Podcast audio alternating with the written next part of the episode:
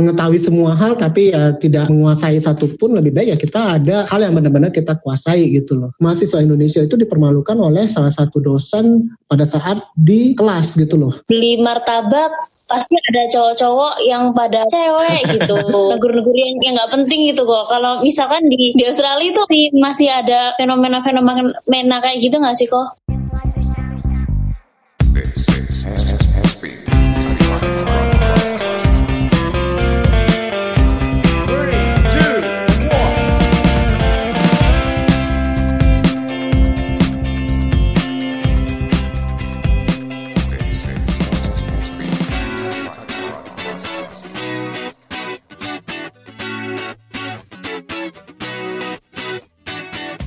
Biaya makan udah, terus penginapan udah, apalagi yang kurang ya? Eh Yu, kamu lagi ngapain sih? Hmm, ini loh Mas Ageng, aku tuh lagi siap-siap. Aku tuh lagi pengen pengen itu kuliah di Australia tau. Ini aku lagi hitung-hitung nih, lagi hitung-hitung kira Iya, aku pengen Yuk. banget kuliah di sana. Kenapa? Australia itu jauh loh. Yuk. Eh, nggak apa-apa. Di sana tuh seru tau Mas Ageng. Aku udah browsing-browsing. Hmm, kalau gitu nih, kayaknya aku ada temen nih Yoni. Siapa? Temennya itu temen aku tuh. Yuk kuliah hmm. di luar negeri. Oh ya? Di Australia, beneran yuk. Oh, kenalin dong Mas Ageng, aku mau tahu kenalin dong ya. di sana gimana kenalin dong. Iya, mau dong diceritain. Nih, aku undang ke sini aja ya yuk kali ya. Hmm. Oke okay, oke okay, oke okay. boleh boleh boleh. Namanya itu Ko Seng Hansen.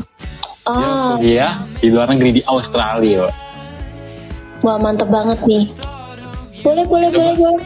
Boleh boleh boleh. Halo Ko Seng Hansen. Halo Ko. Mana nih kokonya?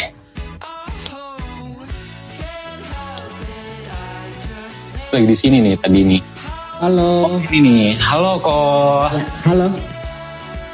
Malam. Wah. Ini ini kenapa ya Ageng kok kayaknya modus ini ya? iya betul. Ayo ini anak-anak.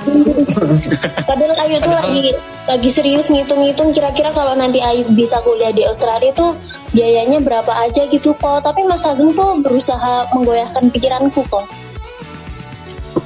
Iya, dia tuh kayaknya ada modus tersebut. iya, benar banget. Kok. Jadi gini, Ayu kan tiap tiap hari aja makannya cuma sekali. Masa nanti kuliah di luar negeri biaya dari mana? Ih parah banget Ageng justru itu aku tuh pengen kira-kira kuliah di luar negeri itu suka dukanya seperti apa sih Ko Hansen? Banyak sih ya kalau kalau kalau untuk Ayu sih kalau gitu mungkin yang bisa saya saranin itu cari beasiswa dulu dah. Oh, ya. Misalnya sehari makan sekali juga susah ya. Berarti di sana nggak bisa bertahan hidup, ya kan? Jadi mending harus cari beasiswa dulu. Nanti dari beasiswa itu minimal bisa membantu lah ya untuk biaya hidup di sana, gitu kan ya. Kita belum bicara masalah um, fee kan ya, tuition fee-nya berapa gitu ya. Kalau nggak tahu nih, kalau di di Indonesia saya kurang tahu ya berapa ya kalau di PTN PTN di UI ya. Kalau untuk S um, kalau kalau saya kan S3 ya di Melbourne. Itu biaya tuition fee-nya sendiri itu selama setahun itu 30 ribu US, uh, sorry, Australian dollar. Dua ribu berarti kan sekitar 300 juta ya. Mm. Kalau misalnya empat tahun berarti udah habis 1,2 m gitu yeah. ya. Kan nggak mungkin juga kita jual ginjal, jual gitu ya. fee-nya kan. Jadi ya kita harus uh, saran saya harus benar-benar prepare beasiswa, cari beasiswa gitu loh. Kecuali kita anak orang kaya gitu ya, ya kita bisalah uh, pakai apa, yayasan orang tua gitu kan ya. Tapi kan kebanyakan dari kita enggak gitu loh. Jadi ya kita harus prepare benar-benar untuk beasiswa.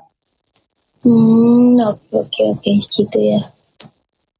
Oh ini nih, ini ada ibu kos datang ya, ibu kos datang, yuk aku aku mau minta pembelaan nih Mbak Udi aku tuh pengen banget bisa dapat beasiswa dan kuliah di Australia Oh udah lari lagi. oh ibu kos lagi masak nih, lagi masak. Oke kok. Alternatif pertama itu cari beasiswa ya kok ya.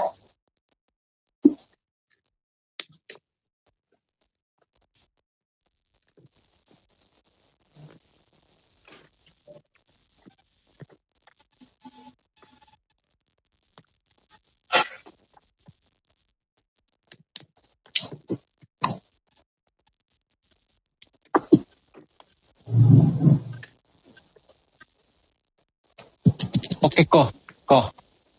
Hmm, ya. Ini kalau Koko sendiri itu kuliahnya di Australia emang bener. Itu kuliah apa sih S1, Ya. S2, S3, ST?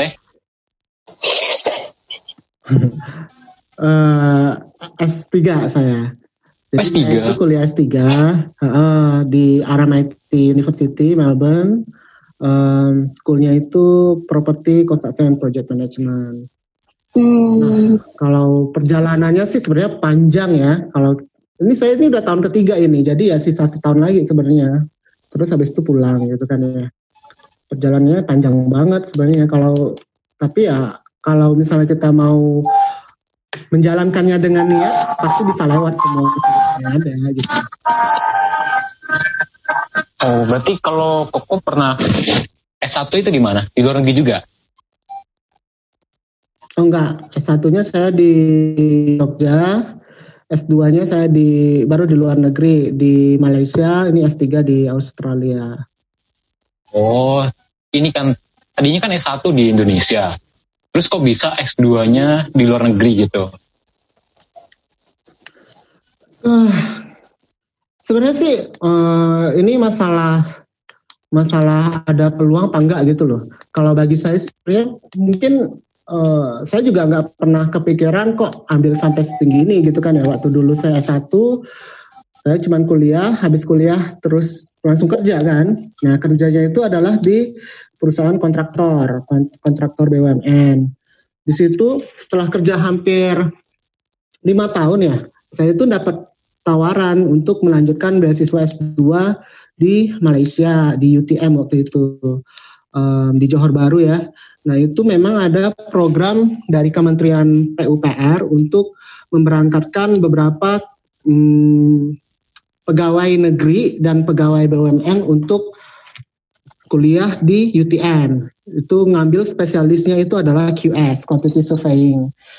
Nah, jadi itu pemilihannya juga penyeleksiannya juga cukup ketat juga sih. Jadi kita memang ada em, seleksi-seleksi dari kita kan tidak hanya bersaing dengan teman-teman di kantor ya, tapi juga teman-teman di em, PNS di PUPR. Nah itu akhirnya dari seratusan orang itu terpilihlah sekitar eh, 15 orang yang diberangkatkan ke UTM itu tahun 2011 dan itu kuliah itu em, karena S2 ya S2 itu cepet kok cuman satu tahun satu tahun dua bulan gitu ya sudah selesai balik ke Indonesia lanjutin proyek kerja di proyek nah kemudian saya itu tahun 2014 eh, memutuskan untuk berhenti jadi eh, dari kantor terus memilih jalan hidup berbeda gitu ya menjadi seorang dosen.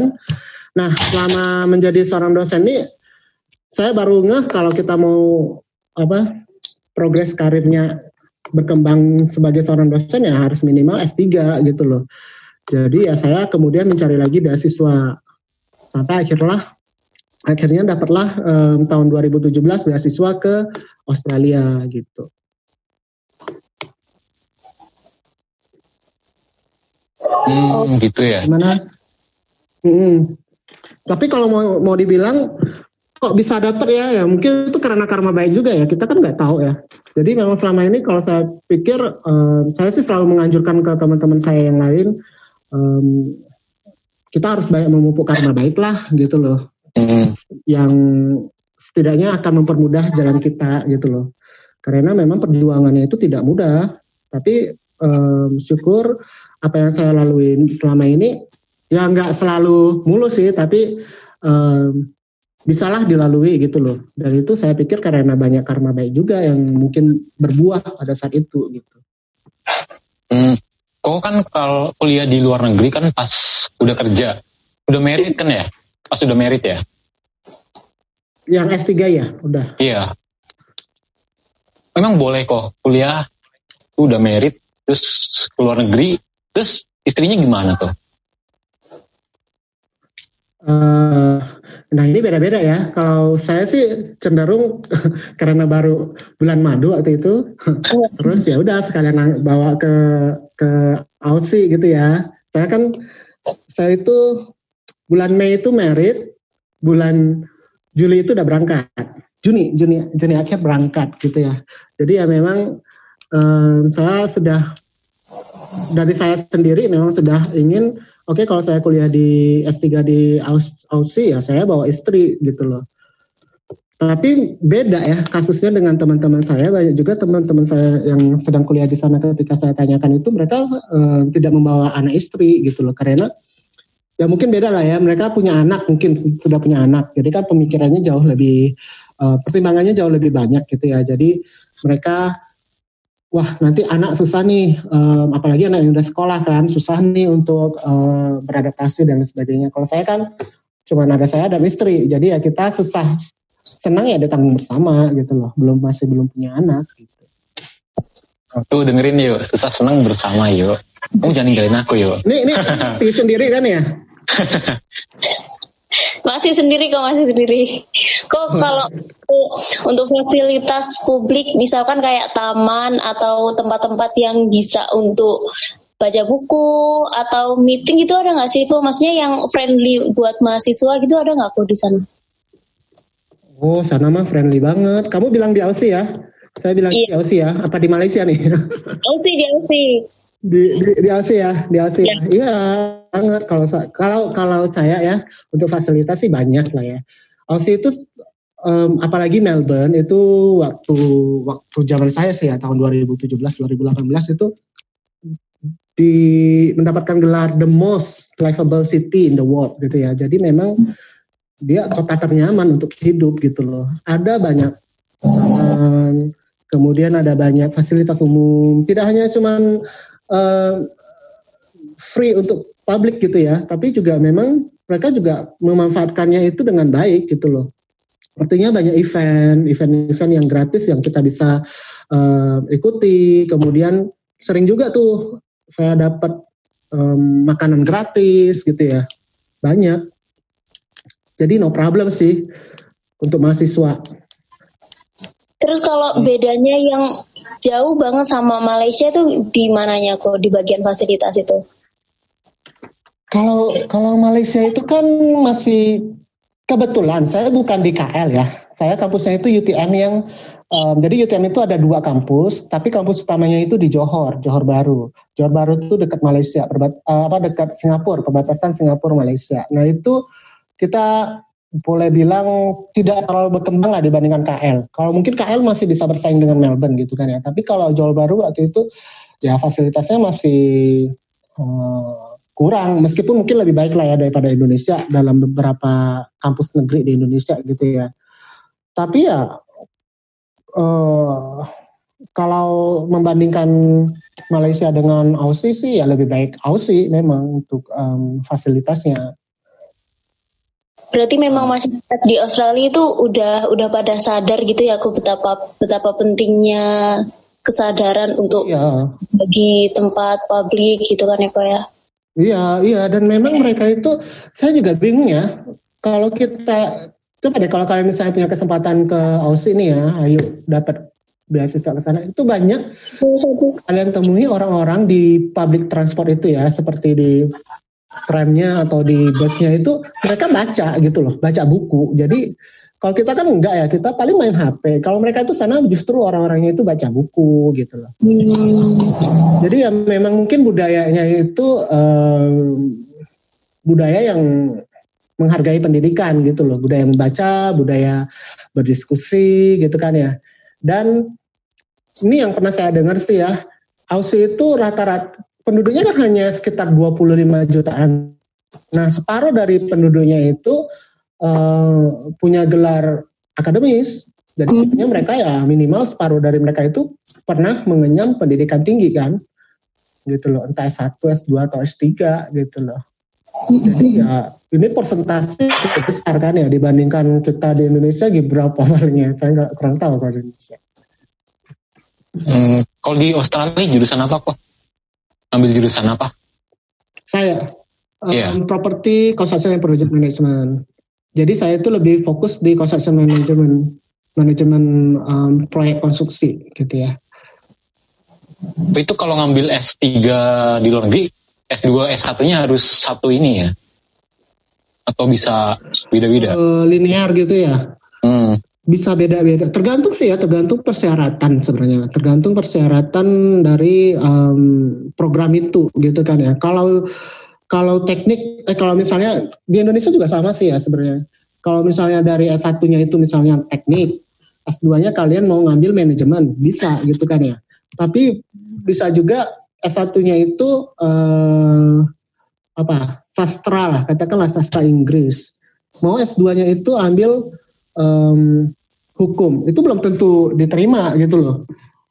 Ya kan apalagi yang S3 nih. S3 ini justru lebih em, konsentrasinya dilihat linear atau tidak gitu loh. Karena kalau misalnya em, S3 hukum itu harus punya background S1 atau S2 hukum gitu loh. Jadi ya beda-beda sih tergantung. Nah, kalau saya pribadi karena saya ini dosen dan saya lebih um, cenderung dari awal sih ya, satunya teknik sipil, S2-nya juga QS, S3-nya ya masih linear, construction management. Oh kalau koko berarti dosen juga. Salah jurusan kah? rencananya sih salah jurusan. Jurusan kah, terus ini kok kuliah di Indonesia sama di Australia bedanya apa yang koko rasain sendiri nih? Selama kuliah di UGM kan Kalau kalau di Aussie itu em, yang pertama itu mungkin ini masalah kuliah lah ya, perkuliahan gitu ya. Yang paling kerasa itu adalah em, nuansa akademisnya. Kalau kita kalau kita di em, Indonesia itu cenderung mahasiswa itu segan gitu loh, respect sangat dengan dosen kan ya, agak takut untuk approach ke dosen gitu kan ya. Apalagi kalau misalnya kita itu wah tidak terima nih kok dapat nilai saya saya ngerjain tugas selalu ngerjain tugas selalu em, nilai ujian bagus-bagus saja tapi kok nilai akhirnya jadi B plus gitu kan ya? Saya nggak terima nih harusnya saya A gitu kan. Nah saya nggak berani kalau di Indonesia itu cenderung mungkin tidak berani untuk eh, appeal ke dosennya gitu kan ya approach ke dosennya eh, kok saya bisa segini nilainya? Nah tapi kalau misalnya di Aussie itu sangat yang saya lihat sih sangat terbuka gitu loh. Eh, mereka mahasiswanya itu sangat eh, diberikan kebebasan berekspresi, mengem- mengemukakan pendapat, bahkan juga di diskusi di kelas gitu ya. Kalau misalnya mereka diskusi ya saling tanya jawab aja, lempar-lemparan gitu loh. Tidak eh, tidak kalau di kita kan kalian mau bertanya nggak? Belum tentu ada orang yang mau apa mahasiswa yang mau bertanya gitu kan ya. Tapi kalau di sana itu banyak gitu loh dan memang mungkin karena dari kecil ya, dari kecil itu akademinya itu apa nuansa akademinya sudah dibangun seperti itu. Artinya mereka diajak untuk ber- ber- ber- berpikir lebih kritis gitu kan ya. Kemudian terbuka, terbuka di sini artinya em, kita boleh ber- berdiskusi gitu ya, mengemu- mengemukakan pendapat kita, tapi juga kita juga terbuka kalau misalnya kita ternyata salah gitu lah ya. Oh ternyata ya memang saya salah, saya akui salah gitu kan ya. Itu juga harus kita akui gitu loh. Dan iya yang bagus di yang yang bagus saya rasa di sana. Kemudian perbedaan lainnya itu adalah eh, terkait dengan online system. Di sana itu online sistemnya sangat jalan. Apalagi kan kalau sekarang ini mungkin Indonesia ini lagi dipaksa sih sebenarnya, lagi dipaksa untuk beralih dari tatap muka, perkuliahan tatap muka yang biasanya dilakukan karena situasi em, pandemi COVID, akhirnya semua online nih, ya kan? Tapi sebenarnya kalau di Aussie itu udah dari lama, udah mereka melakukan online system, ngumpulin tugas online, appeal pun tadi juga online gitu loh. Cuman kadang ujian harus masih em, datang ke kampus. Itu sih. Oh, mungkin ini kok. Yang cukup aku, colok, aku ya. padahal padahal nggak ini kok, nggak pernah protes kalau dosen ngasih nilai. Soalnya kan harusnya nih. Dapatnya apa nih? A terus. iya, dapatnya A terus. Harusnya kan C. aku nggak pernah protes. Dosanya itu berarti mungkin diam-diam apa nggak nggak periksa itu. Bisa jadi kan nggak mereka oh ya gitu. Ageng nih, oh ya Ageng orangnya kayak gitu. Oh baik, oh, iya. ya udah. Gitu. Baik. Gak lihat lagi nih apa nggak periksa ujian ya. Oh ya kok untuk beasiswa sendiri tuh kira-kira kalau Ayu sendiri harus cari di mana, terus syaratnya kira-kira apa aja dan ada tips-tips nggak sih kok buat cari beasiswa? Oh iya, beasiswa ya. Ini saya bicara mengenai pengalaman saya pribadi. Kalau saya itu um, beasiswanya kan LPDP ya. Jadi um, LPDP itu lembaga pengelola dana pendidikan di Indonesia. Nah itu memang mereka um, kalau sekira saya sih mungkin sekarang ini adalah beasiswa pemberi ya pemberi beasiswa paling populer gitu loh di Indonesia saat ini gitu loh.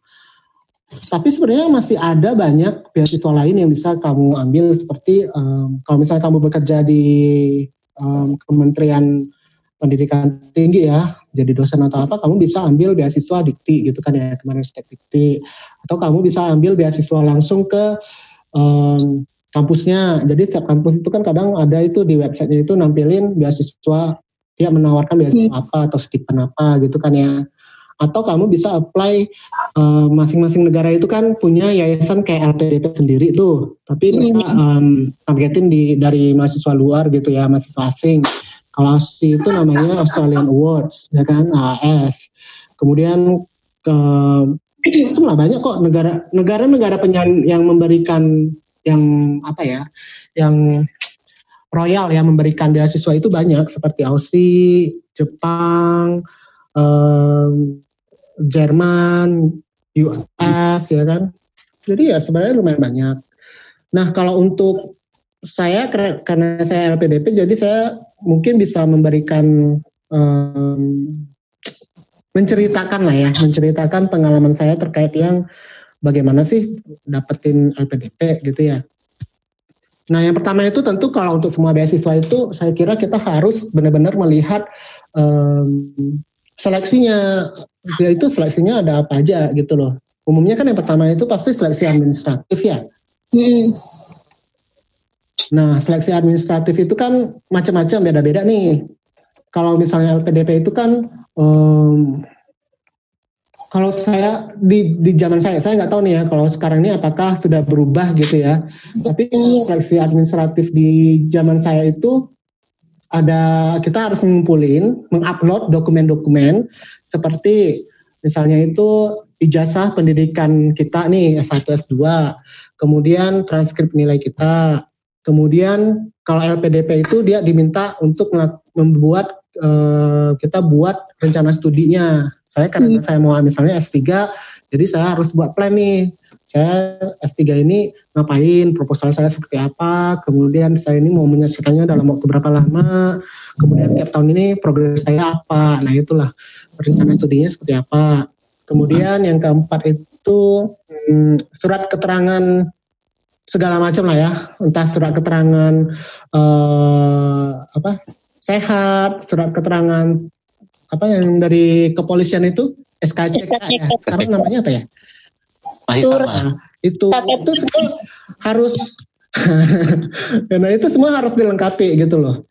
Terus ada juga um, surat surat rekomendasi. Jadi um, harus minimal waktu itu dua ya kalau nggak salah dua surat rekomendasi dari tokoh ataupun um, profesor gitu ya. Dosen ya. Kemudian surat ya kemudian surat izin belajar kalau misalnya kita sudah bekerja ya kan Kemudian harus membuat surat pernyataan bahwa um, kita tidak sedang menerima beasiswa lain dan itu saya kira fair-fair aja kan ya. Masa saya mau dapat double beasiswa gitu kan ya. Terus ini apa uh, sertifikat bahasa asing pasti. Nah kalau misalnya saya kalau misalnya Ayu ke Cina ke ke Taiwan yang dilihat kan ya bahasa Mandarin gitu loh. Kalau misalnya saya atau ini ya yang dilihatnya um, TOEFL atau IELTS gitu kan ya. Oh ya, yang terakhir itu ini um, apa? LOA of acceptance dari kampus. Nah ini mungkin khusus untuk yang um, sebenarnya ini tidak menjadi syarat syarat dari seleksi administratifnya LPDP. Cuman kalau kita punya LOE, LOE itu kan kita daftar ke kampus, kampus itu nerbitin sebuah surat, oh kamu diterima sebagai mahasiswa gitu loh. Tapi masih sebatas surat aja ya, karena kita harus melakukan pendaftaran resmi gitu loh. Nah itu kalau kita punya surat ini itu peluang kita itu lebih besar. Artinya kan karena LPDP itu melihat oh bahwa um, kita sebagai calon penerima beasiswa itu sudah menyiapkan sampai sejauh ini loh, sudah sampai dapetin LOE dari kampus yang kita tuju loh. Berarti kan kita tidak main-main gitu loh. Kita benar-benar sudah um, punya target khusus, punya bahkan sudah sampai dapetin LOA, letter of acceptance dari kampus itu baik kondisional maupun unconditional gitu. Dan itu akan sangat memperbesar peluang kita gitu loh untuk um, diterima sebagai penerima beasiswa. Ada pertimbangan lebih gitu ya kok ya kalau udah dapet itu ya. Iya, sebenarnya itu tidak termasuk dalam um, syarat seleksi administratifnya LPDP, tapi kalau punya itu itu lebih baik gitu loh. Karena uh, LPDP itu kan sistemnya itu kamu boleh daftar nih beasiswa LPDP, tapi kamu belum belum keterima nih apa belum keterima di kampus mana pun. Nah, hmm. kamu misalnya udah dap, jadi penerima beasiswa, kamu diberikan waktu satu tahun untuk bisa apply ke kampus mana pun yang kamu tuju, ya, yang sesuai dengan daftarnya LPDP. Nah, itu baru um, dapat LOE, baru dia akan memberikan um, pembayaran dan tunjangan gitu loh. Kalau hmm. misalnya dalam waktu satu tahun kamu gagal mendapatkan uh, eh, LOA, artinya kamu tidak diterima di kampus, nah itu ya kamu uh, otomatis gugur sebagai hmm. penerima beasiswa LPDP gitu. Oh gitu, perjuangan banget sih. Oh seru seru seru. Uh, ini ngomong-ngomong kayak tadi nih, Ayu kan makan sehari sekali di di di sini. Terus kalau ke sana, terus lagi bokeh nih, bisa nggak sih nyambi kerja gitu di sana malah gampang nggak kalau Para ini sekali juga kali Mas Agung. Kerja part time gitu. Kalau makannya kalau makannya sekali seratus ribu mah nggak apa-apa ya. ya. Bener, bener banget. kalau kalau apakah bisa dapetin kerja part bisa sekali gitu loh. Tapi itu semua tergantung lagi ya dengan visa kondisi visa kita gitu ya. Jadi semua um, international students di Australia itu kan kita harus me mengajukan visa nih, hmm. visa pelajar ke Australia. Dan di situ akan diberikan conditions ya untuk visa ini gitu kan ya penerima visa ini. Kalau kasusnya seperti saya, tapi rata-ratanya sih ya itu um, semua kayaknya sih semua pelajar asing berhak untuk melakukan pekerjaan part time mm. maupun full time, tapi dengan hitungan uh, 40 jam maksimal dalam dua minggu gitu loh, fortnight. Ya. Jadi batasnya itu maksimal 40 jam dalam dua minggu. Artinya kan 20 jam dalam seminggu ya. Katakanlah uh, kita kerja lima hari seminggu. Berarti kan sehari kerja 4 jam, 4 time gitu loh. Ya seperti itulah. Boleh kok. Nah, Nyambi. kalau kamu huh? tapi kalau kamu penerima beasiswa LPDP, nah ini ada kondisinya.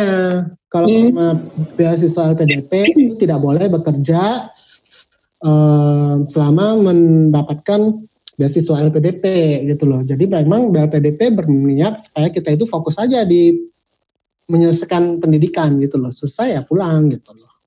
Hmm. tapi hmm, kenyataannya kan banyak juga memang kita kita tidak bisa memungkiri kan uh, banyak kok orang-orang yang uh, apa memanfaatkan wak, kelebihan waktu lah ya. Uang kita ke kuliah juga cuman mungkin 4 jam sehari gitu kan ya. Masa tidur semua sisanya tidur kan enggak kan? Ya kalau kamu mau kerja ya kerja aja gitu loh tapi kalau LPDP sih um, tidak kamu tidak boleh bekerja di luar institusi pendidikan di luar bidang apa di luar kampus gitu ya yang di ini Tapi driver Gojek nggak bisa ya di sana enggak?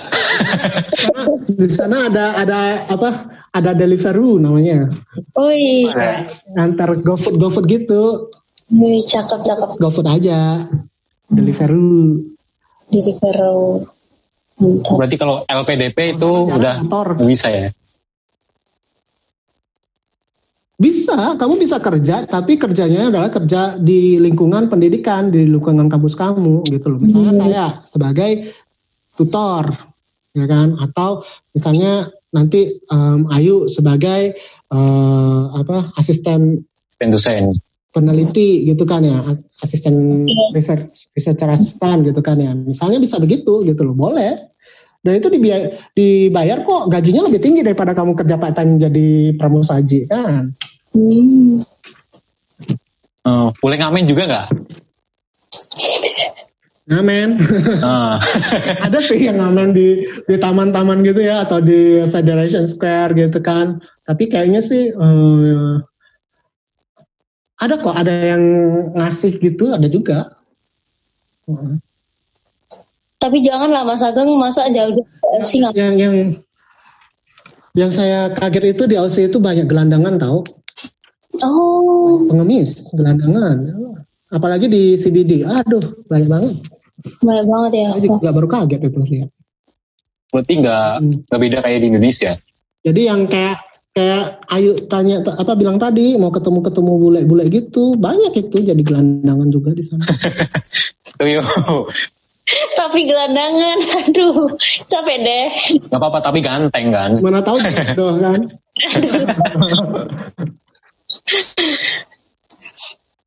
Iya, terima kasih Ko Hansen. Tadi udah dijelasin. Terima kasih ya Ayu dan Nageng tadi udah uh, membuka rumah ini.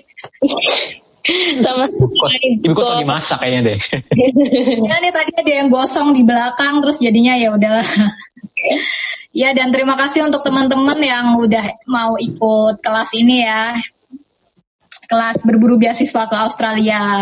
Ini ada siapa aja nih? Uh, saya sapa satu-satu dulu ya. Nih ada Francine Salim, ada Cynthia, Cynthia, ada Sana, ada kreator CCA. Oke, okay, namanya kreator CCA. Ada Fikri dan ada dari uh, penerbit Karania. Oke, terima kasih. Eh, tadi uh, udah dijelasin ya sama Ko Hansen tuh ternyata untuk untuk berburu beasiswa ke Australia tuh nggak serumit yang kita bayangkan, tapi juga nggak segampang yang kita bayangkan ya kok ya. Iya, iya, iya. Ya, tapi tetap masih bisa diperjuangkan. Nah, oh ya nih, Ko Hansen nih, uh, ini teman-teman boleh ya kalau ada yang mau bertanya boleh langsung ketik aja di chat room yang sudah tersedia atau kalau mau cerita soal pengalamannya yang berhubungan dengan, dengan kelas ini juga boleh. Nah, ini kok hmm. uh, Ko Hansen ini kan dari S S1, S2, S3 ini kan memilih jurusannya ini kan berhubungan ya. Teknik di S S1-nya hmm. di UGM mengambil teknik sipil, terus S2-nya kan di hmm. uh, Universitas Teknologi Malaysia yang mengambil uh, manajemen konstruksi, terus yang S3-nya di hmm.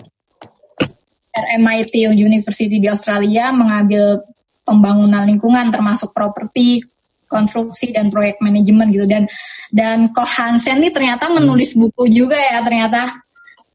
Ini yang saya tahu nih salah hmm. satu bukunya ada manajemen kontrak konstruksi nih uh, terbit terbit di Indonesia juga tahun 2015 ya kok ya.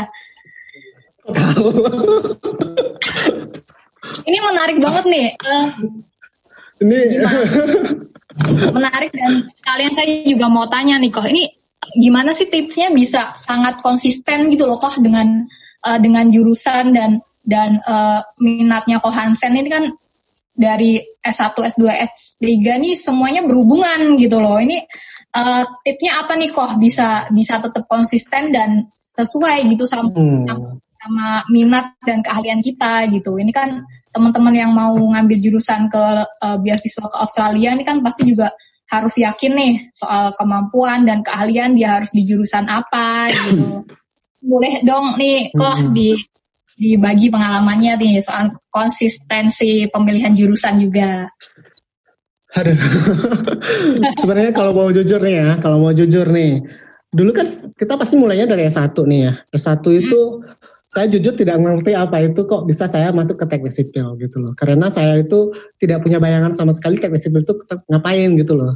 Ya ternyata ternyata itu em, urusannya adalah terkait dengan bangun-bangun lah kontraktor gitu ya. Bangun eh, meran- merancang, desain dan eh, menjadikan bangunan di di lapangan gitu kan ya. Nah, sebenarnya waktu S1 pun saya tidak terlalu in gitu ya, tidak terlalu fall in love with um, civil engineering gitu loh. Saya pikir ya udahlah, saya penting saya lulus S1 kerja dapat duit gitu kan ya. Itu doang eh, pemikiran saya waktu itu. Ternyata selama kerja, hmm, selama kerja itu orang bilang kita kalau kita dapat pekerjaan yang kita memang um, senangi ya kita akan fall in love with that um, job gitu kan ya. Jadi ya saya merasa oh ternyata menarik juga ternyata waktu kerja. Justru waktu kerja saya merasa oh ternyata menarik juga ini dunia teknik sipil gitu kan ya. Kebetulan saya waktu itu kerja di kontraktor BUMN. Nah, saya baru benar-benar fall in love with the um, civil engineering and or build environment lah ya kita bilangnya itu uh, ketika saya dapat kesempatan beasiswa S2 di Malaysia. Di situ saya benar-benar memperdalam lagi ilmu uh, teknik sipil khususnya. Kalau teknik sipil kan luas ya, ada transport, masalah trans- transportasi, masalah struktur bangunan, masalah bangunan keairan, masalah lingkungan. Nah, kalau saya fokusnya itu adalah di masalah uh, manajemen konstruksinya gitu loh. Nah, setelah itu saya melihat oh ternyata ini sangat menarik gitu loh. Baru dari itulah saya oke, okay, saya kira saya tidak akan keluar lagi dari jalur saya dan saya akan um, apa ya bersembangsih lah istilahnya berkontribusi di bidang ini aja gitu loh. Dan saya kira saya kira semua orang juga sebaiknya begitu gitu loh. Artinya kita harus punya um, satu keahlian yang benar-benar kita akan uh, kita akan terus sekali gitu loh. Jadi kita tidak tidak menjadi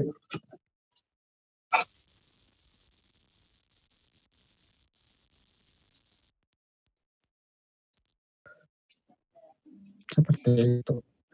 Oke, jadi ini ya eh, karena ketelatenan dari apa yang udah diambil dari S1 ini kemudian akhirnya aduh berkembang nih ternyata seru juga nih ngambil Iya. teknik sipil Iya. terus eh, penasaran dengan dengan apa kayak teknik sipil itu kan ada arsitektur dan lain-lain gitu makanya Ko Hansen jadi Hmm. menekuni jurusan itu ya. Iya, iya begitulah. Nah terus ini eh, bisa nulis buku nih kok. Ini eh, gimana nih cara mengatur waktunya? Ini kan bu, eh, menulis buku terus diterbitkan ya dan buku ini kan tahun 2015 tuh berarti udah udah di Australia ya waktu itu ya kok ya? Belum, saya kan masih itu 2017. Oh, Jadi saya saya itu eh, seperti tadi saya bilang, saya kan lulus S2 ya 2012. hmm. Saya lulus S1 itu 2008, terus lulus S2 itu 2012. Saya benar-benar fall in love with the construction management world itu setelah saya lulus S2 gitu loh. Jadi saya sebenarnya buku itu terbit 2015, tapi sebenarnya saya sudah mulai menulis itu tahun 2013 gitu loh. Hmm. Jadi memang butuh waktu dua tahun untuk menulis Iya, satu iya. buku itu kan ya. Dan itu hmm, memang eh, membutuhkan perjuangan ekstra untuk menulis sebuah, sebuah buku itu selalu membutuhkan perjuangan ekstra lah ya, karena ada banyak sekali em, eh, apa? Ada banyak sekali tantangan apa pun entah itu dari eksternal, internal ya. Mood kita lagi nggak ada nulis gitu loh. Ya, Ide ada, tapi kita nggak mau nul, nggak bisa nulis gitu loh. Atau um, kita pengen nulis nih, waktunya lagi pas nih, tapi tiba-tiba blank gitu loh. Jadi ya nggak bisa nulis juga kan. Nah ini um, semua menjadi um, tantangan sih dan uh, saya pernah ditanya tuh apa sih tipsnya kok bisa menulis buku gitu kan saya bilang ya tetap menulis gitu loh karena apa pun itu um, saya kira semua orang mau penulis penulis pemula atau penulis um, yang sudah uh, apa yang sudah terkenal ya penulis yang sangat produktif itu pasti akan sekali waktu akan mengalami apa yang namanya um, apa writer's block gitu loh. Tidak kita tidak punya mood, kita ya, uh, stres gitu loh. Ya, tidak ada ide, bosen gitu. gitu kan ya. Kok ini nggak selesai-selesai tulisan gitu loh. Atau tulisannya kok mau dibawa ke mana sih sebenarnya gitu kan ya. Nah itu itu semua jadi kadang bikin malas nulis juga karena saya bilang ya apa pun itu tetaplah menulis gitu loh. Mau nulis apa pun tetaplah ditulis gitu loh.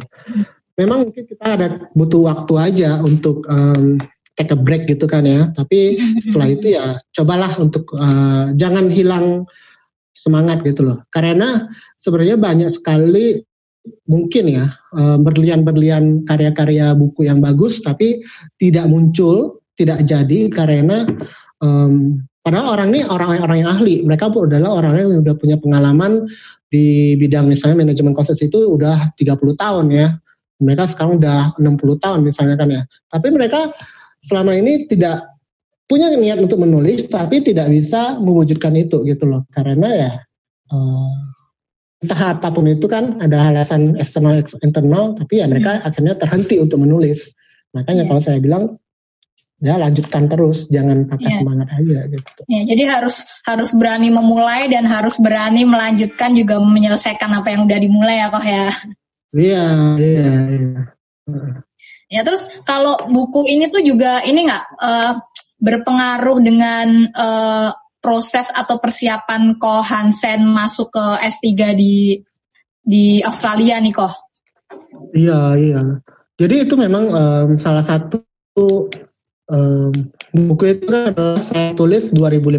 Saya itu sebenarnya sudah um, dapat beasiswa LPDP itu 2016. Jadi memang salah satu pertanyaan dari uh, apa dari LPDP itu kan beasiswa LPDP itu yang terakhir itu eh sorry kedua terakhir itu ada seleksi interview wawancara ya.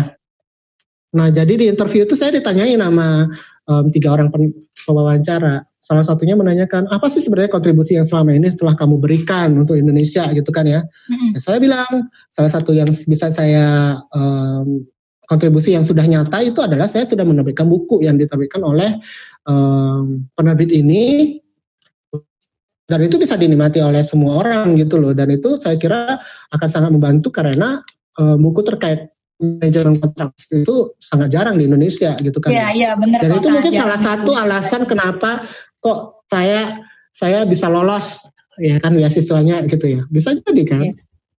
Gitu loh. Ya, jadi bisa bisa menjadi nilai plus juga ya kok untuk iya, mencari beasiswa iya. ke Australia ini itu. Jadi buat teman-teman di sini nih kalau ya, kalau ada minat untuk menulis apa pun dikit. boleh nih dituangkan dan ditulis.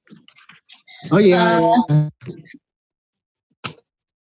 Oh, ini ada ada pertanyaan nih, kok nih dari uh, dari dari temen yang ada di kelas ini nih dari Sin Cynthia nih, uh, selamat malam Pak Hansen. Salam dari Sky Star Ventures, semoga masih ingat. Ya. Mau tanya Pak, apakah ada tips ya? untuk ini saya saya saya bacakan aja ya, oh, ya Pak ya. Cynthia Cynthia Tania. Pak iya. Hansen, Pak Hansen tuh kayaknya salah deh. Hansen tuh adik saya. Oh. Tapi ini, dia juga dosen. Ini hmm, kalau kalau bisa dijawab di, dijawab aja nih kok. Uh. Ya ya ya ya. Um, mau tanya nih Pak, apakah ada tips untuk kita bisa mendapatkan LOA dari kampus yang dituju dan lebih baik kita urus LOA dulu sambil proses scholarship atau sebaliknya. Kemudian adakah tips khusus agar kita berhasil dapat beasiswa yang kita apply? Thank you. Ya itu ya.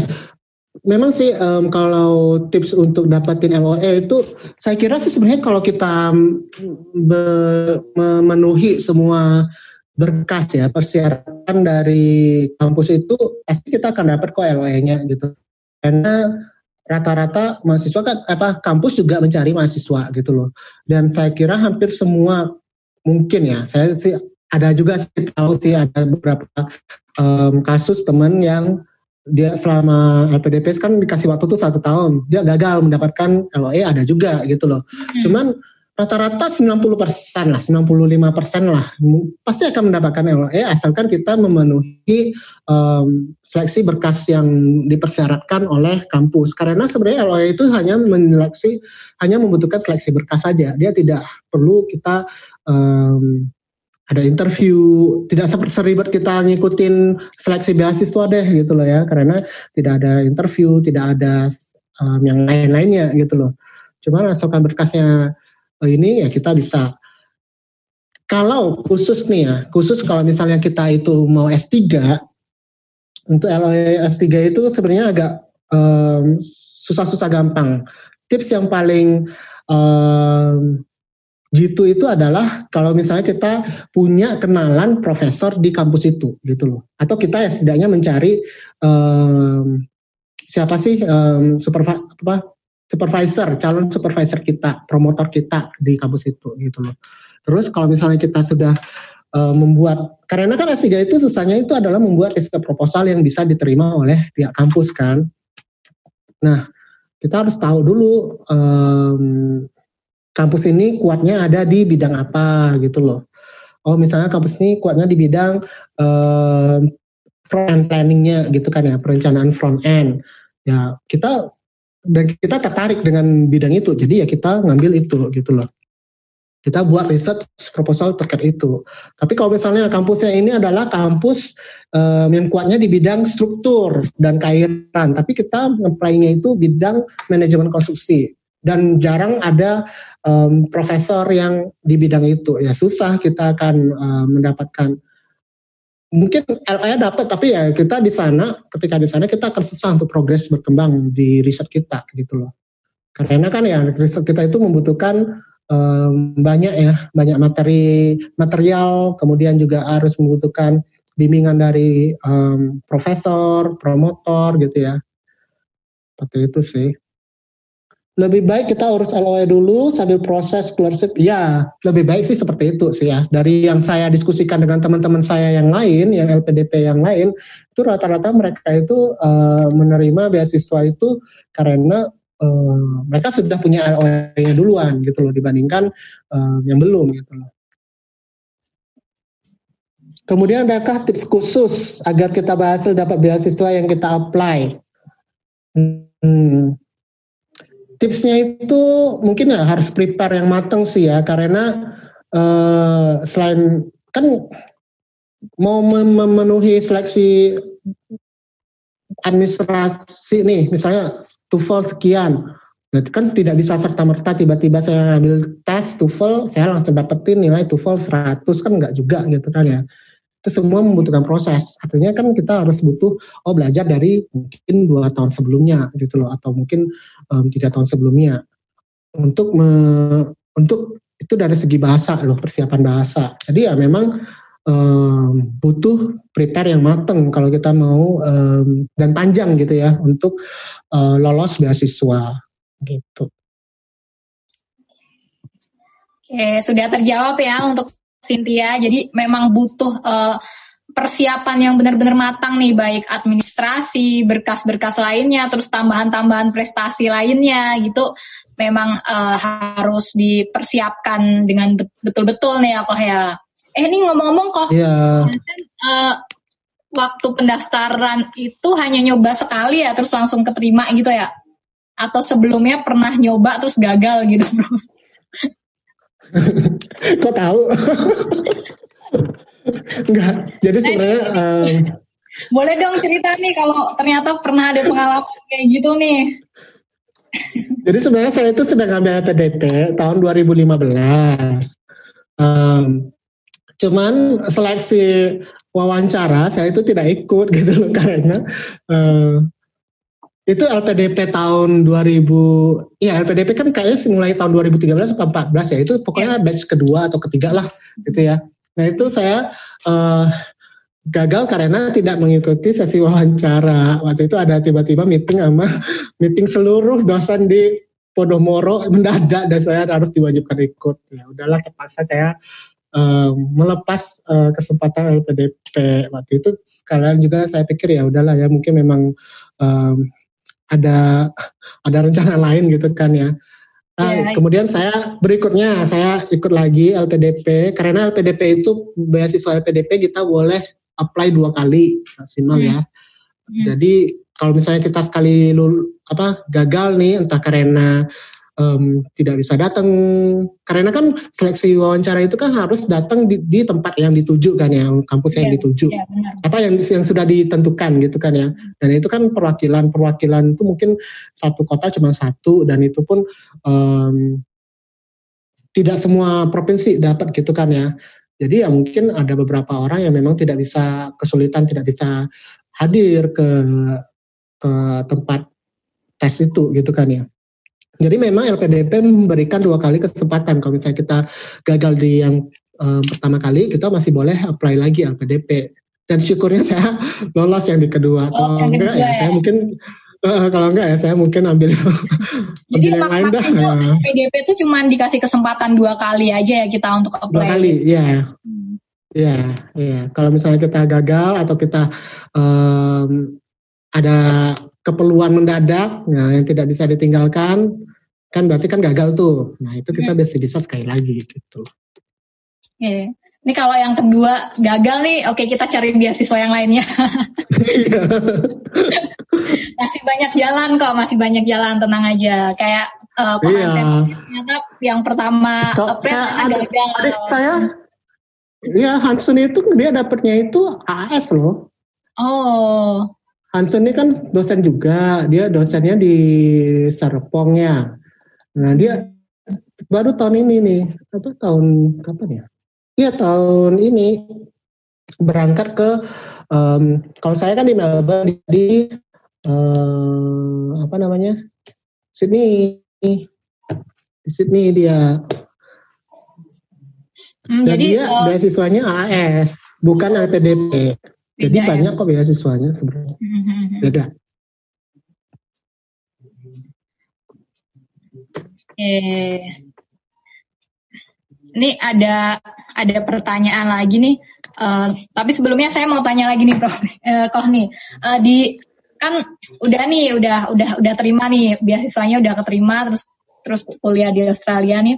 Uh, ada nggak sih kok mm -hmm. temennya Ko Hansen nih, misalnya temennya Ko Hansen yang di tengah-tengah perjalanan beasiswanya nih ternyata dia gagal gitu entah entah karena dia e, merasa salah pilih jurusan atau ternyata ada ada ada sesuatu yang membuat dia tuh gagal dan nggak bisa meneruskan gitu atau karena dia nggak bisa ngikutin perkuliahan di situ gitu ada nggak kok yang yang kayak gitu tuh kok ada gitu loh. Jadi kalau kalau yang saya tangkap dari pertanyaannya saudara Friendson ini kan sebenarnya um, kita keterima sebagai penerima beasiswa LPDP, tapi um, selama satu tahun kan kita dikasih waktu tuh untuk dapetin LOE supaya kita bisa kuliah. Ternyata gagal nih dapat LOE, ya kan? Boleh ganti um, universitas enggak? Yang kalau untuk ganti universitas uh, beda ya kasusnya ya. Um, saya jawab dulu, kalau misalnya kita gagal dapat LOE dalam satu tahun, ya otomatis kita gugur sebagai penerima beasiswa LPDP. Nah, kalau misalnya um, kita mau mencari LOE ini kan, kita sebagai penerima beasiswa LPDP, kita harus dapatin LOE yang sesuai dengan daftar universitas LPDP. Jadi LPDP itu tiap um, angkatan tiap tahun itu mengeluarkan um, daftar universitas yang boleh kita apply LOE-nya gitu loh. Nah kalau misalnya kita gagal dapetin LOE dari universitas itu, otomatis ya kita um, gugur gitu ya. Nah, kasus berikutnya nih, kasus kita nih udah keterima LOE-nya keterima, kita udah memulai perkuliahan di sana, gitu kan ya. Hmm. Tapi ya. karena satu dan lain hal, mungkin promotornya atau supervisornya itu kemudian pindah ke kampus lain, ya kan? Hmm. Apa supervisor saya, saya udah kuliah, apa saya udah, uh, saya saya dapat tim LOE, saya sudah hmm, apa uh, selama satu tahun bimbingan di bawah dia nih. Ternyata si profesor ini dipindahin ke kampus lain atau dia pindah ke kampus lain. Saya gimana nasib saya? Pilihan saya kan adalah antara saya um, biasanya sih ya pasti kan tetap di di kampus itu gitu kan ya. Tapi ada juga yang kasus yang dia mau ikutin profesornya gitu loh karena um, profesornya lah yang benar-benar tahu bidang itu gitu kan ya. Otomatis kan dia akan bertanya ke ke LPDP apakah saya bisa ganti kampus gitu loh. Nah, atau atau alasan lain apa pun yang lain ya dia kemudian seseorang kemudian mau berganti kampus kalau dulu zaman saya yang waktu saya saya nggak tahu ya sekarang ya mungkin sama sih dilihatnya itu case by case gitu loh jadi um, secara secara dari buku panduan LPDP sendiri sebenarnya sih tidak menjelaskan secara detail hal itu tapi mungkin secara implisit kita tidak sangat tidak disarankan untuk pindah kampus termasuk juga pindah jurusan. Misalnya saya satu kampus masih di University of Melbourne, tapi saya dari School of Construction Management saya mau pindah ke School of um, Urban Design gitu kan ya. Misalnya yeah. itu itu juga susah gitu loh, agak dipersulit, sangat tidak direkomendasikan. Tapi sekali lagi LPDP akan melihat case by case. Jadi artinya ya kita harus kontak langsung dengan hmm, pihak LPDP yang me, uh, yang bisa untuk nanti akan diberikan um, linknya ke siapa kita harus ber, ber, me, apa, menanyakan atau berdiskusi terkait boleh nggak sih saya pindah kampus gitu loh. Hmm. Dari beberapa kasus yang pernah saya dengar sih ada yang boleh, ada yang enggak. Jadi ya benar-benar tergantung dengan um, seberapa kuat sih argumen kamu kok kamu mau pindah kampus atau tidak gitu. Jadi tetap bakal ada bantuan-bantuan ya kok ya kalau misalkan terjadi kayak gitu tadi tuh harus terpaksa pindah kampus atau kayak gimana gitu tetap ada. Oh iya, iya, iya. Tetap ada ininya jalur komunikasinya lah kita harus ke mana yeah. gitu. Karena sekali lagi kan kita sebagai penerima beasiswa itu punya tanggung jawab ya kita yeah. harus berkoordinasi dengan um, pihak pemberi beasiswa gitu loh. Oke, jadi pertanyaannya Francine Salim tadi udah terjawab juga ya sama Ko Hansen nih. Nah, uh, sekarang ini nih, Ko, uh, kita ngobrolin ketika Ko Hansen udah uh, proses kuliah di sana nih. Nah, misal nih kok kalau uh, misal nih ada kayak gimana sih keikutsertaan mahasiswa mahasiswa yang eh, Indonesia yang berkuliah di Australia gitu ketika ketika uh, hubungan antara Indonesia dan Australia itu tuh lagi lagi ada masalah gitu kayak misalkan kemarin tuh ada tahun 2015 tuh kalau nggak salah ada kasus duo Bali Nine yang yang yang menyelundupkan yeah. yang menyelundupkan heroin ya hmm. dari dari dari Indonesia mau dibawa ke Australia gitu dan sama pemerintah Indonesia uh, dua Balinen itu kan mereka warga warga warga negara Australia ya mau dieksekusi gitu hmm. sama pemerintah Indonesia dan ternyata uh, dari pemerintah Australianya itu keberatan gitu dengan dengan uh, dengan perlakuan dari pemerintah Indonesia. Nah, kayak gitu tuh dari mahasiswa-mahasiswa yang terutama yang dapat beasiswa di Australia itu bagaimana sih keikutsertaan mereka? Apakah mereka di situ boleh mengeluarkan opini atau pendapat mereka tentang tentang uh, tentang kasus seperti itu dan dan boleh di uh, dituangkan dalam forum yang tersedia di situ atau atau kita nggak boleh nih ikut campur yang kayak kayak gitu gitu kok Hmm. Iya, memang ada beberapa kasus seperti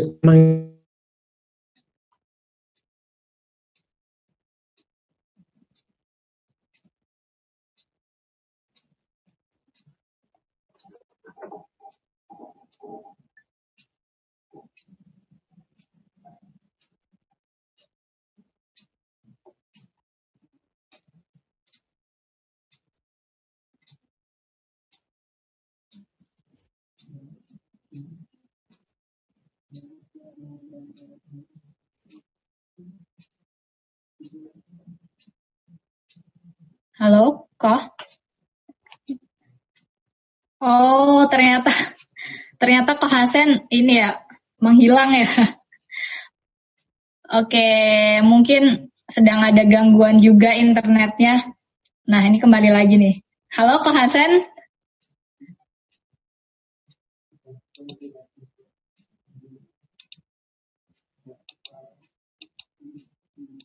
Tolong hostnya dong di uh, unmute dong.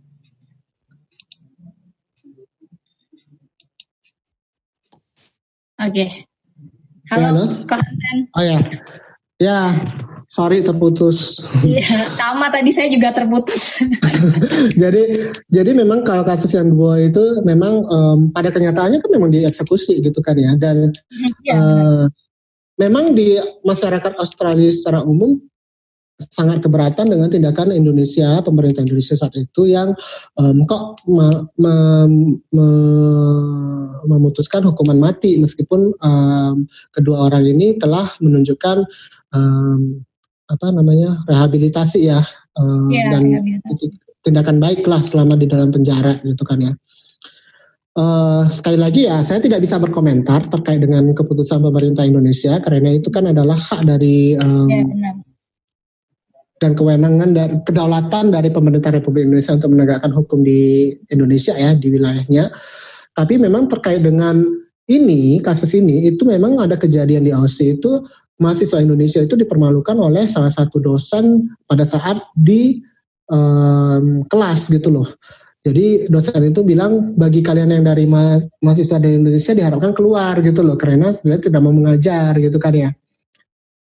Ini kan implikasi yang sebenarnya tidak bijaksana juga ya Iya, bahwa iya. dosen kok eh, menyalahkan kebijakan atau keputusan Harusnya dia sebuah netral ya, negara. Ya.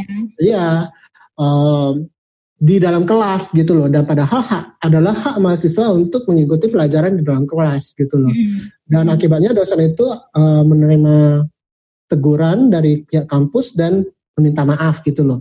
Hmm, hmm. Tapi ya memang eh,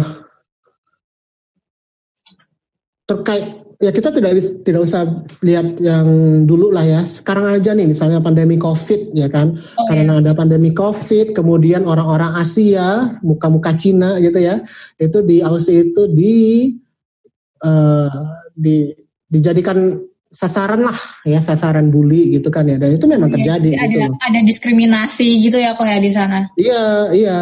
Padahal ya selama saya di sana itu, selama tiga tahun saya di sana, saya hampir tidak pernah men- menerima eh, tindakan rasis gitu loh ya. Hmm. Tindakan rasis itu hampir tidak pernah. Dan bahkan saya menilai bahwa orang-orang Aussie itu hampir eh, mereka semua itu adalah karena Aussie itu kan negara yang multikulturalnya sangat Iya. kelihatan. Mereka itu memang awalnya adalah bangsanya kan bangsa yang pertama mendiami itu kan aborigin ya, tapi kan kemudian ada bangsa kulit putih. Nah kulit putih itu pun sejak Perang Dunia Kedua itu mulai banyak yang datang dari Vietnam, dari Malaysia, Indonesia, em, Tiongkok, kemudian dari negara-negara di Eropa gitu ya, Itali dan lain sebagainya. Jadi memang em, sekarang ini Aussie itu adalah negara dengan persentase multikultural yang sangat tinggi di dunia gitu loh dibandingkan negara-negara lain gitu kan ya. Jadi sebenarnya jati diri bangsa Australia itu atau negara Australia itu harusnya adalah em, toleran dan Iya. keterbukaan gitu loh. Tapi memang kita bisa menemukan tidak beberapa tapi banyak kasus ya akhir-akhir ini apalagi yang sejak em, pandemi COVID-19 ini em, orang-orang yang bertindak rasis gitu loh. Orang-orang yang bertindak rasis. Teman saya mengalami hal yang serupa. Dia dari Tiongkok. Dia mengalami hal yang serupa gitu loh. Ya kan? Jadi ya eh, apakah terjadi pergeseran budaya saya kurang tahu karena saya tidak mendalami itu. Apakah ada sikap rasis? Eh, saya kira di semua negara ada gitu kan ya. Cuman mungkin sekarang ini em, tidak hanya di Aussie sih, tapi di negara-negara lain pun banyak orang yang em, banyak yang me- oh itu corona corona itu corona gitu kan ya. Jadi ya memang bersikap rasis gitu loh. Iya. Cuman iya. ya eh, pakai WC gitu kan ya. Kalau memang mau hidup di sana ya memang harus uh, bertahan dan melawan gitu loh. Seperti itu sih. Iya, jadi tetap tetap uh, diskriminasi itu tetap di mana-mana ada ya, tapi uh, kita mencoba untuk bisa mengkritisi itu dan melawan itu gitu, ya, tanpa iya. tanpa harus ada kekerasan tentunya kan kok. Iya, iya. Kalau kamu buat kekerasan, kamu langsung dideportasi nanti. Oh, ada nggak kok yang kayak gitu kok? Yang mungkin ada kali. Enggak, tapi rata-rata mahasiswa internasional, internasional student yang yang dibully, ada kan yang dipukul tuh di berita tuh sampai mukanya bonyok juga tuh. Hmm. Nah itu kan um, ya ya mereka justru tidak melakukan uh, kekerasan kan, karena mereka mungkin berpikir panjang. Kalau misalnya mereka balas ya mereka bisa dipulangkan gitu loh. Iya benar-benar. Oke teman-teman yang pada mau ada pertanyaan atau sharing pengalaman boleh lo langsung diketik aja ya di chat uh, di chat komentar ini. Hmm. Nanti saya akan sampaikan ke Kohansen. Ya nih ngomong-ngomong diskriminasi nih saya jadi ingat nih uh, kalau di uh, di sana itu di sana itu di Australia itu uh, antara laki-laki dan perempuan di sana itu apakah apakah uh, diperlakukan secara uh, sejajar nih atau ada diskriminasi nih misalkan kan kalau Hansen kan tutor ya tutor nah uh, hmm. untuk laki-laki dan perempuan tuh apakah mereka punya peluang yang sama nih untuk untuk bisa jadi tutor juga atau untuk ikut hmm. ikut ikut proyek ikut proyek yang ada hubungannya dengan kampus tersebut gitu hmm, Iya iya iya. Kalau kalau kalau menurut saya saya lihat sih di sana sangat um, terbuka, open ya. Hmm. Artinya mereka tidak lagi melihat gender gitu loh. Bahkan kamu LGBT pun kamu boleh kok. um, jadi ada tuh di kampus saya itu yang um, tutor apa teacher ya dia ya. Dia itu um, sebenarnya pria tapi berpakaian wanita gitu loh. Hmm. Nah itu jadi teacher gitu loh. Nah jadi memang Aussie itu sangat sudah tidak melihat lagi masalah gender yang dilihat adalah kemampuan dan kapabilitas kan ya. Satu hal yang unik nih ya, um, di OSIS itu saya itu kaget kita punya unisex toilet gitu loh. Di kampus saya punya unisex toilet. Artinya kampusnya itu toiletnya itu cowok dan cewek boleh masuk. Gitu. Campur. Saya bingung kan, wah kalau saya saya lagi kan kalau toilet cowok itu kan um, apa berdiri kan ya yeah. apa ada yeah. ada lavatoirnya gitu kan ya urinoirnya yeah. salir urinoir atau lavatoirnya kan berdiri gitu kan ya kalau ada cewek masuk gimana nih jadi saya penasaran saya masuk kan oh ternyata um, dia ruangannya gede dan langsung sekat-sekat sekat gitu gitu loh jadi ya sudah kayak toilet toilet wanita lah mungkin ya umumnya langsung berupa sekat per bilik-bilik gitu loh mm -hmm. Cuman ya iya. artinya cowok dan cowok boleh langsung masuk. Boleh masuk ya, tapi tetap ada privasinya kan. Iya, ada bilik-biliknya. Iya. ya, jadi uh, itu dengan mereka memperlakukan sejajar kayak gitu tuh ter, tercermin juga dari ini ya uh, pola pendidikan mereka yang memang memang ya. memang lebih lebih liberal dan meng, uh, membuat lebih aktif mahasiswanya ya kok nggak nggak seperti di Indonesia kan kayak masih apa-apa masih harus ke dosen, apa-apa masih harus ke dosen. Ya, ya, ya sih. Eh, kok, kok Hansen nih uh, su sudah berkeluarga kan ya kok ya? Hmm. Uh, terus ini keluarganya kok Hansen juga ketika S3 S3 di Australia ini juga dibawa ke sana uh, atau LDR nih? Bawa kan ya tadi tadi saya bilang ke Ageng dan ke hmm. Ayu ya. Jadi saya oh, kan iya. dapat beasiswa S3 itu Jun tahun 2017. Jadi saya itu berangkat itu bulan akhir bulan Juni 2017. Hmm. 30 Juni seingat saya.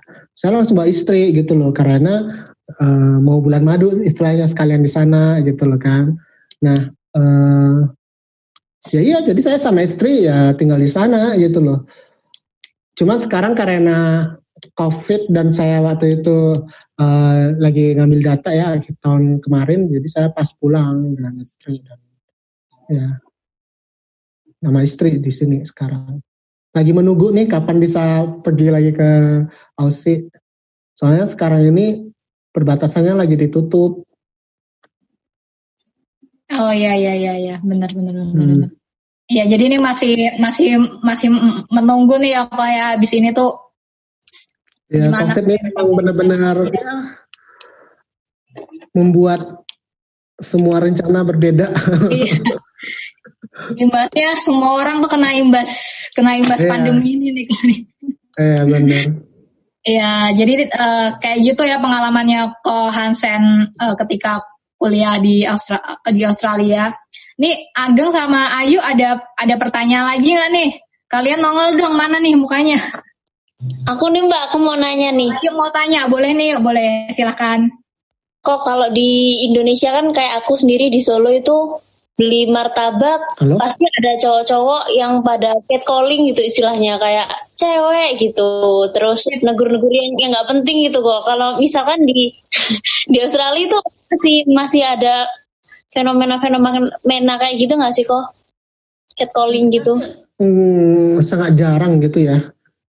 Sangat jarang. Saya hampir tidak pernah me melihat atau mendengar kasus seperti itu. Mungkin ada mungkin ada Cuma salah satu hal yang bagus dari kampus-kampus di Australia itu adalah mereka memang punya satu, mereka sangat menjamin dan memberi, me, apa ya istilahnya ya, memberikan perlindungan kepada mahasiswa, termasuk untuk uh, memberikan pemahaman kepada mahasiswa bahwa tidak boleh kalian melakukan uh, pelecehan seksual, baik itu verbal maupun non verbal gitu ya, fisik maupun non fisik kepada sesama mahasiswa gitu loh atau perlu ke orang lain gitu loh. Dan itu cukup berat sih kayaknya um, etika apa sanksinya gitu ya. Dan itu memang ada gitu loh. Kalau di Indonesia ini sayangnya itu saya hampir tidak pernah menemukan kampus yang punya etika uh, apa ya namanya etika untuk terkait dalam ini perlindungan kepada mahasiswa gitu loh terkait dengan pelecehan ya, dan bullying gitu loh. Iya. Justru yang ada saya dengar-dengar baca-baca kita baca dari um, berita kan mahasiswi yang dilecehkan melapor justru malah di justru dapat uh, ini dapat iya sanksi. kecaman dan lain sebagainya orang yang melakukan uh, pelecehan justru malah bisa lulus dengan nyaman padahal kan itu tidak benar gitu ya nah itu di sana di Australia justru kampus-kampus sana akan memberikan mereka bimbingan konselingnya itu ada gitu loh dan akan memberikan bimbingan konseling kepada uh, mahasiswa yang mengalami baik yang mengalami bullying maupun pelaku bullying untuk rehabilitasi gitu loh. Itu bagusnya. Oh, keren banget. Jadi ada rehabilitasinya gitu ya kalau di sana ya. Jadi ada pengertian yeah. juga gitu buat buat yeah. mereka yang si pelaku dan juga ada perlindungan juga untuk korbannya gitu. Emang itu iya. harus ditiru sih sama Indonesia tuh kayaknya tuh. Iya, saya yeah. miris loh dengar yang berita itu kok bisa gitu kan. Iya. Ini nanti dan kalau kadang di bukan hanya kadang itu bukan hanya bukan hanya bukan hanya mahasiswa ke mahasiswa kan dosen ke mahasiswa itu juga sering itu. Benar benar benar. Iya sering-sering. Iya kadang dengan dengan dalil ini supaya nilai kamu jadi bagus nih kamu harus mau uh, melakukan ini ini ini gitu. Iya iya. Kan kayak gitu tuh kok ya. jadi udah terjawab ya yuk ya? Siap. Ya, dari Ageng mau ada pertanyaan lagi nggak Ageng? Ini sih paling. Aku kan tiap hari tuh sehari tuh aku ngabisin uang sejuta ya. Ini kalau di Australia nih kok nih. Misal aku bisa duit nih, bisa duit atau duitnya tinggal tinggal dikit lah. Itu tips dari Ko Hansen biar hemat gitu. Kalau biar hemat sih um, susah sih ya. Yang pertama yang kita harus tahu itu kan kita hidup di luar negeri nih. Hidup di luar negeri itu kan uh, kita harus tahu dulu nih biaya hidupnya berapa kan ya. Nah kalau di Aussie itu beda beda-beda nih tiap tiap tiap negara bagian. Kalau misalnya saya di Melbourne itu hampir sama dengan di Sydney ya, itu negara apa kota dengan biaya hidup tertinggi di Australia. Nah itu rata-rata itu hmm, mungkin butuhnya itu 2000 lah, 2000 Australian dollar per bulan ya. Yang paling besar itu paling mahal itu adalah akomodasi tempat tinggal. Karena kan Melbourne, Sydney itu mereka itu kota metropolitan dan uh, yang paling murah nih selama ini. Saya udah berapa kali pindah ya? Bingung saya. Satu dua mungkin ada tiga empat kali pindah. Empat kali pindah tempat tinggal selama di Aussie nah itu rata-rata itu per bulan itu mungkin sekitar katakanlah karena saya kan berdua dengan um, istri ya jadi saya sewa satu apartemen studio dan itu di luar CBD area di luar pusat kota itu tahun 2000 17-18 itu sebulannya itu menghabiskan biaya 1.400 dolar. Berarti sekitar 14 juta hanya untuk uh, tempat tinggal. Belum termasuk bill. Bill listrik, bill air, tergantung apalagi kan kadang uh, air panas gitu ya. Kemudian gas gitu ya. Itu mungkin ya 100 lah ya per bulan. 100 sampai 150 tergantung pemakaian. Udah 1500 atau 1600 sisanya adalah uh, untuk makan dan lain sebagainya gitu loh. Sekali makan di Aussie itu paling murah itu mungkin 10 dolar gitu loh. 100 ribu ya. Dengan anggapan 1 dolar 10 ribu. 100 ribu. Tips dari saya kalau kamu mau hemat masak sendiri karena saya dan istri itu benar-benar merasakan bahwa kalau kita bisa masak sendiri dibandingkan kita makan di luar itu sangat jauh hemat gitu loh. Tips yang kedua, kalau kamu nggak mau masak sendiri, beli roti. Roti itu di sana itu kayak nasi, jadi murah gitu ya.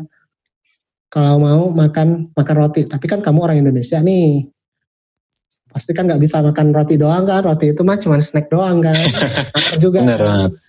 Masak nasi lagi, ya nasi sama telur gitu loh.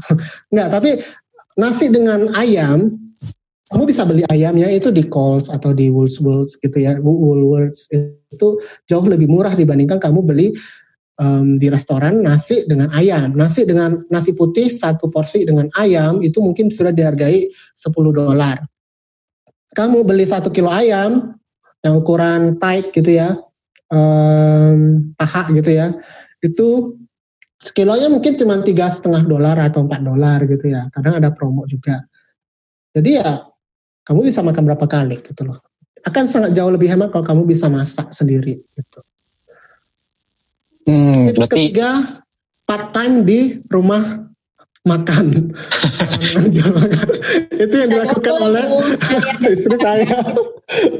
istri saya itu daripada bosen kan di rumah sendirian, saya ya udahlah kamu mau kerja kerja dia kerjanya di restoran Indonesia. Namanya warung sambal warung sambal ijo WSI di Melbourne. Nah itu sekali dia itu restoran um, semi-semi Padang gitulah ya. Apa persemanan Padang gitu. Jadi setiap pulang saya selalu makan nasi Padang. Jadilah saya gendut gitu. Iya, ya. jadi gitu tuh Gang, ada. Uh, berarti kalau kalau Ayu bisa ya, soalnya kan Ayu makan tiap sehari sekali. Bisa Bel bisa bisa bisa. Kasih loh mas terima kasih seru sih kok kayaknya. Jadi bisa bisa sambil cari pengalaman. Ya sebaiknya sih kalian um, kalau bisa ayo nih ya kalau bisa yang mau kuliah di luar negeri ya sangat saya anjurkan gitu loh. Kenapa? Karena selain bisa um, mengejar mimpi lah ya istilahnya kan memang kamu bermimpi untuk kuliah di luar negeri. Tapi di, di balik itu kamu bisa mempelajari banyak hal gitu loh. Budaya baru ketemu orang baru bagaimana rasanya tinggal sendirian bagaimana rasanya berkomunikasi dengan orang asing sendirian gitu kan ya. Jadi ya saya sangat menyarankan juga ke mahasiswa-mahasiswa saya kalau kamu punya kesempatan untuk kuliah di luar negeri mungkin S2 atau S3 ya keluar gitu loh kalau memang punya kesempatan itu. Karena um, itu akan membantu menempa menempa pola pikir kita lah gitu loh. Oh setidaknya kita tidak hanya terkukung di Indonesia aja gitu loh, tapi kita juga melihat bagaimana sih um, dunia luar gitu loh. pola pikir orang barat dengan kita itu sangat jauh berbeda gitu loh. Mereka menerima LGBT kita mungkin tidak gitu kan ya. Mereka sana sangat toleran, tidak memusingkan uh, apa agama apa agama apa di kita sangat masih sangat gitu kan ya. Kamu agama apa, kamu agama apa gitu. Jadi ya uh, itu akan kuliah di luar negeri, tapi ya jangan kuliah di luar negeri, luar negerinya di Timor Leste gitu ya, atau tanpa bermaksud mendiskreditkan ya. Tapi ya kalau kuliah di luar negeri, cobalah kuliah di luar negeri di tempat-tempat negara yang memang bagus gitu loh, dan kita bisa mempelajari banyak hal dari tempat itu. Gitu okay. Harapannya kan ketika kita balik kita bisa uh, berkontribusi gitu kan ya, membantu mengubah yeah. gitu loh Indonesia. Oke, aduh satu. Gitu ya Ageng dan Ayu. Pertanyaannya udah terjawab semua nih. Satu pertanyaan lagi nih kok sebelum kita uh, berada pada akhir kelas ini nih. Satu pertanyaan lagi nih. Uh, setiap 17 Agustus nih kok. Nah, hmm. uh, ini pengalaman merayakan 17 Agustus di Australia nih kayak gimana nih kok? Halo? Halo, ya. Ya, ya. Gimana? Uh, uh, waktu tanggal 17 Agustus nih, perayaan hari ulang tahun Indonesia nih. Pengalaman kok Hansen sewaktu ada di Australia tuh kayak gimana kok? Ikut merayakan atau cuma sekedar upacara aja atau ada perayaan khusus untuk mahasiswa-mahasiswa Indonesia yang ada di sana? Nah, kalau untuk uh, 17-an Agustus 17-an 17 Agustus itu memang di Melbourne itu kan ada konjen ya kon konsulat jenderalnya Republik Indonesia di Melbourne dan memang itu dibuka um, festival lah ya istilahnya upacara dan ada festival makan-makan juga di sana cuman saya belum pernah ikut ke merayakannya di Konjen karena hmm. jauh Konjennya Nah, jadi saya biasanya tuh 17 Agustus itu uniknya di Aus Australia, kalau di kita itu kan ah, wah, ada bendera orang Tiongkok itu bendera Aussie itu kenapa kok di Indonesia ada dikibarkan? Kalau di sana itu justru dikibarkan gitu loh. Nah, jadi um, di Federation Square itu ada sebuah tempat namanya Federation Square itu um, kayak tempat meeting pot gitulah ya, pertemuan yeah. gitu ya lapangan gede gitu kan ya. Nah itu ada setiap 17 Agustus itu pasti akan dilakukan upacara bendera Indonesia di sana. Jadi kita bisa mengibarkan bendera di sana gitu loh. Dan ada tata tata, tata caranya, protokolernya dan kon apa eh, konsulat pun datang ke sana gitu loh. Dan saya seringnya ke sana. Selama tiga kali, tiga kali saya ke sana. Karena itu sangat dekat. Kampus saya itu letaknya di pusat kota di Sibinti. Jadi cuma jalan kaki um, ke Federation Square itu cuma 10 menit kali ya. Kalau naik tramnya mungkin cuma 3 2 menit kali ya. Jadi ya itu saya selalunya ngerayanya di sana. Dan itu agak agak um, menyenangkan ya melihat itu kan di lapangan terbuka. Jadi melihat orang-orang orang bule, orang Sri Lanka, Tiongkok itu melihat wah ini ada upacara apa nih? Ternyata upacara benderanya Indonesia gitu loh. Dan kita ya cukup bangga sih melihat um, bagaimana um, kita tahu sendiri sih kalau upacara bendera Indonesia itu sangat protokoler ya, sangat yeah. bagus gitu ya ininya. Jadi ya ya cukup bangga lah itu loh melihat ya, itu dan dirayakan di bersama-sama ya dengan iya, orang-orang ya mereka foto-foto gitu kan. Iya terima kasih kok Hansen. Nih uh, buat teman-teman nih jangan lupa ya teman-teman di sini tuh yang ikut kelas ini tuh bakal dapat buku gratis. Uh, dapat buku gratis dari penerbit Karania.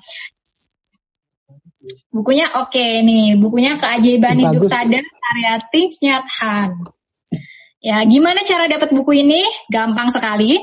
Teman-teman tinggal uh, mengirimkan nama lengkap, alamat lengkap, dan nomor handphone ke nomor registrasi Budasin. Nomornya adalah 0887 1662 332. Saya ulangi lagi. 0887 1662 332. Oke, dan jangan lupa nanti kalau bukunya sudah sampai ke teman-teman, uh, ini bukunya free ongkir ya, jadi nggak usah pikirkan soal free ongkir karena tinggal meluncur aja nih ke teman-teman bukunya. Nanti kalau udah sampai nih bukunya, teman-teman boleh langsung uh, foto dengan dengan buku itu dan diposting ke akun Instagram teman-teman. Jangan lupa tag akun Instagram @budasin dan @penerbit Karania gitu. Hmm. Terima kasih. Dan terima kasih juga untuk Mitra Karania yang sudah uh, mensponsori kelas ini ya. Uh, dan ini terakhir banget nih untuk untuk kita menutup uh, acara ini sebelum kita menutup ya. Ko Hansen uh, ada motivasi nggak nih buat kalimat motivasi aja nih buat teman-teman di sini yang ingin uh, yang punya mimpi untuk mengambil beasiswa ke luar negeri nih. Ya, Silakan. Ya, kalau kalau saya mungkin cukup simpel sih ya. Intinya sih jangan menyerah gitu ya. Terus aja gitu loh. Kalaupun kita gagal misalnya gagal mendapatkan beasiswa sekali ya kita pelajari apa sih yang buat gagal terus kita coba perbaiki supaya kita bisa lanjut terus gitu. Itu aja sih be konsisten gitu maju ya, terus ya. ya. ya ini itu uh, kata-katanya Ko Hansen tuh sesuai tuh sama sama apa yang pernah dikatakan sama tokoh Indonesia nih. Ada salah satu tokoh Indonesia namanya Sultan Syahrir itu pernah berkata bahwa hidup yang tidak dipertaruhkan tidak akan pernah dimenangkan ya. Bagaimana cara uh, mempertaruhkan hidup kita? Nah, salah satunya dengan tetap mengejar mimpi dan cita-cita kita. Salah satunya kalau kita mau kuliah ke luar negeri ya harus dikejar dengan apa? Yeah. Dengan persiapan-persiapan yang matang yang uh, seperti yang sudah disampaikan oleh Kohansen tadi contohnya. Oke, okay? terima kasih untuk teman-teman semua di sini. Terima kasih untuk Kohansen yang Thank yang sudah mau uh, membagi pengalamannya ini sangat-sangat berharga sekali ya pengalamannya sudah dibagikan oleh Kohansen ini. Jadi kita semua jadi terbuka wawasannya tentang gimana sih itu mau mau uh, mengambil beasiswa keluar tuh gimana prosesnya dan persiapannya gitu. Oke, terima kasih semuanya. Kita akan bertemu ke uh, kita akan bertemu dengan kelas-kelas selanjutnya di Budasin. Jangan lupa untuk uh, dengarkan juga kelas-kelas Budasin sebelumnya yang sudah ada sebelumnya di Spotify Budasin. Oke? Okay? Jangan lupa, jangan lupa juga ya tadi untuk bukunya tadi biar teman-teman di sini bisa dapat buku gratis. Uh, dari kami itu saja. Terima kasih semua teman-teman. Kita bertemu lagi di kelas selanjutnya. Terima kasih Gutami dan juga Ageng. Bye.